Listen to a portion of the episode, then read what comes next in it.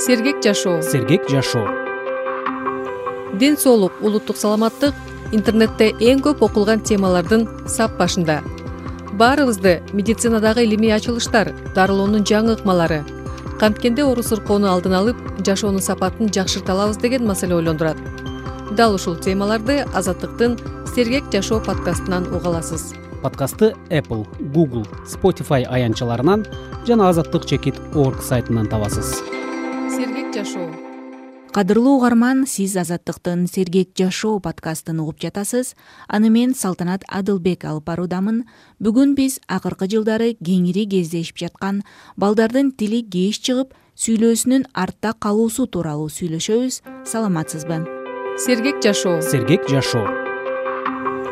Мына бирдин түсү кандай? Сары. Сары. Экинин түсү кызыл кызыл кызыл мына түстөрдү дагы үйрөнөт бул жакта. Төрт жашар кызы менен жаркын кармышева күн сайын өнүктүрүүчү тапшырмаларды аткарат. Ажардын сүйлөбөгөнүн анын жоош мүнөзүнө байланыштырып апасы көп көңүл бурбай келген. Каарманыбыз наристесинин тили чыкпай кептик өнүгүүсү кечеңдеп жатканына кызы үчкө чыкканда тынчсызданып баштаганын айтат. Бир жыл эки жылга мунуку мындай артта калган да сүйлөө речи анткени үч жашында толук сүйлөм сүйлөп калыш керек болчу бул бир сөздөн эле сүйлөп ал сөзү даже мындай толук түшүнүктүү эмес сөздөрдү сүйлөчү. Мисалы үчүн макул болсо акул деп башкы мы тамгасын айтчу эмес.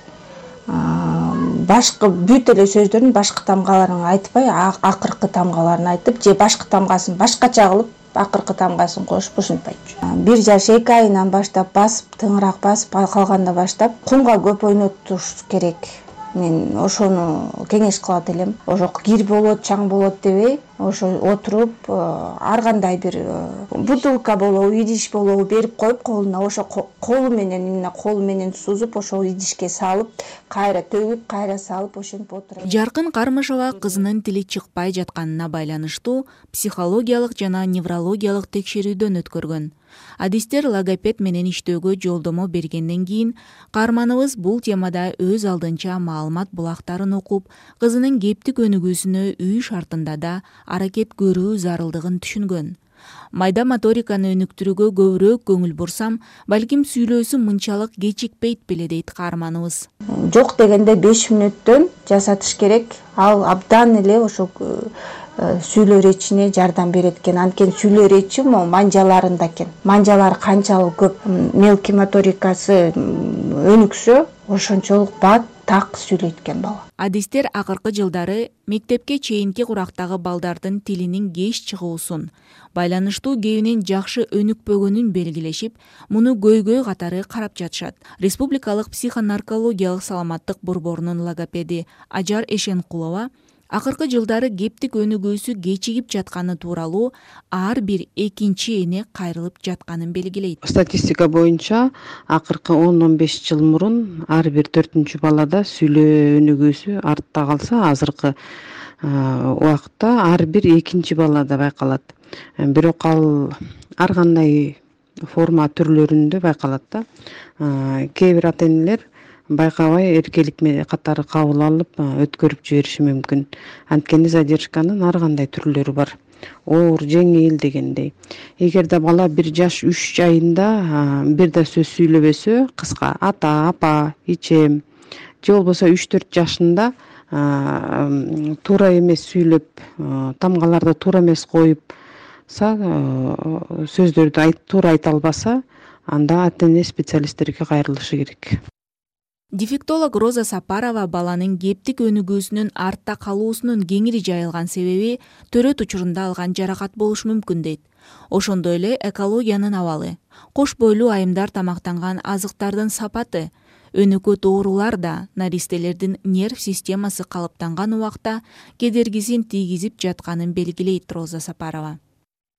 Башка өлкөлөрдө иштеп келген ата энелер деле көп. Кореяда телефон чыгарган заводдо иштедим эле химикат чыгарган заводдо иштедим эле турцияда деп. Ошолордун баардыгы э, может быть жаш ата энелер түшүнбөйт барып ошол эненин боюнунда бар кезиндеги ден соолугуна тийгизген таасири дагы болот да ошол первый үч э, айлыкта ошол баланын нервный системасы калыптанган убакта көп таасир этет экен. Балдардын кептик өнүгүүсүнөн артта калып жатканынын дагы бир чоң себеби гаджеттер. Төрөлгөндөн тартып смартфон планшет сыналгыны чектөөсүз карап отурган балдардын байланыш кебинин өнүгүүсүндө сөзсүз көйгөйлөр жаралат дейт роза сапарова. Кээ бир ата энелер келгенде айтат чоң телевизор үйдө турат түнү менен ошол иштеп турат. Хоть бала уктап чарчап уктап калса да ошол телевизор иштеп турат.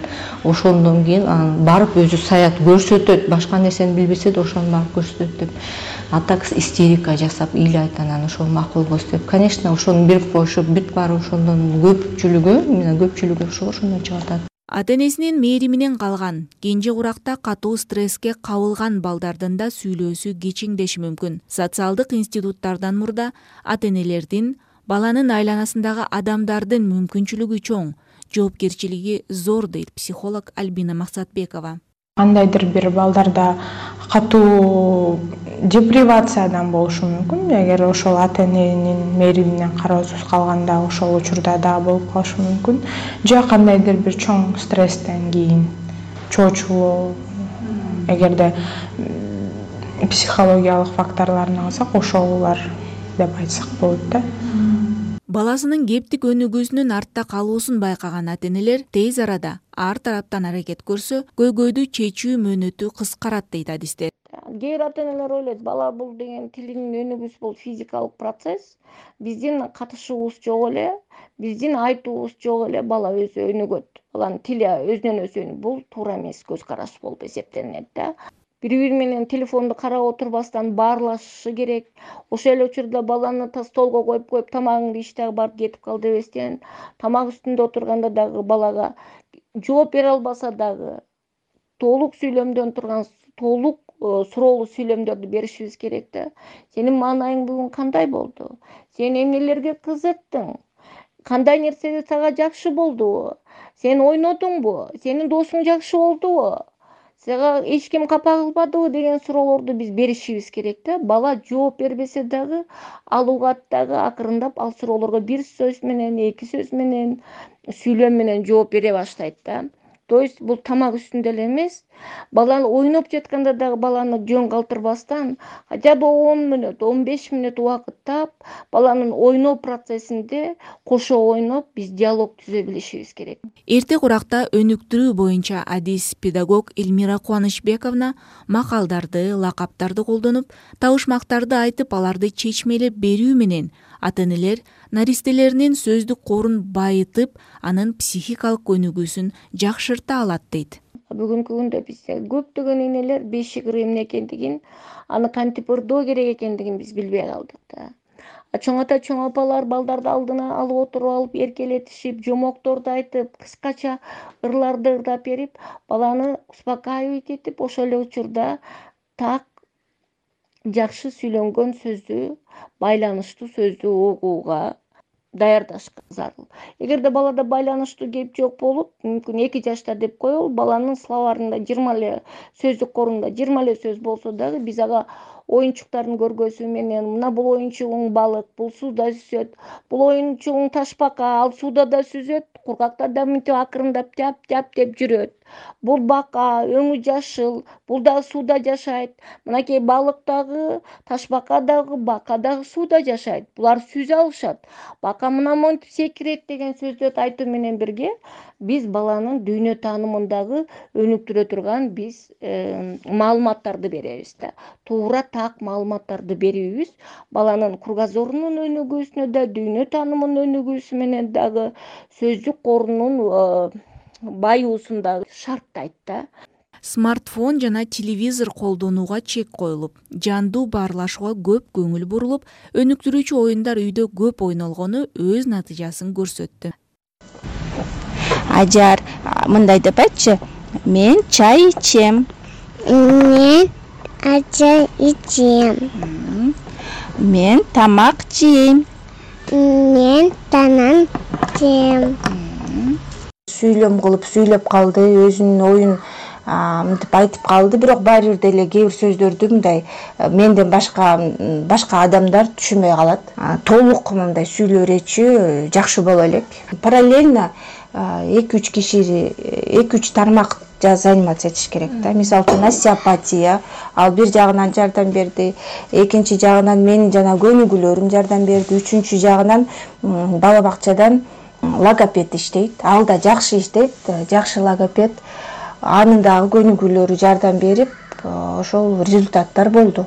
Кептик көнүгүүсүнө убагында көңүл бурулбаса балада сүйлөө негативизми пайда болоорун адистер эскертет. Өзүнүн оюн айта албай калган баланын кийин социалдык чөйрөгө аралашуусунда көйгөй жаралышы мүмкүн. Бала бара бара тартынчаак именчээк болуп калат. Акырындап ал өзүн кемирээк сезип баштайт. Ошондуктан балдардын байланыштуу кебин өнүктүрүүгө канчалык эрте аралашсак эрте аракет көрсөк ошончолук баланын социалдык чөйрөгө адаптация болуп кетүүсү инсан болуп калыптануусу үчүн жакшы болот. Урматтуу угарман сиз азаттыктын сергек жашоо түрмөгүн уктуңуз. Аны мен салтанат адылбек алып бардым. Аман туруңуз. Сергек жашоо. Сергек жашоо. Азыркы медицинанын жетишкендиги жана адамзатты апааттан сактап калган илимий ачылыштар. Дарылоонун жаңы ыкмалары тоо боорундагы айылдан алыскы олимпке чейинки жолду баскандардын өрнөктүү тажрыйбасы. Коомдук саламаттык. Азаттыктын сергек жашоо подкастын угуңуз. Подкастты apple google spotify аянтчаларынан жана азаттык чекит орг сайтынан таба аласыз. Сергек жашоо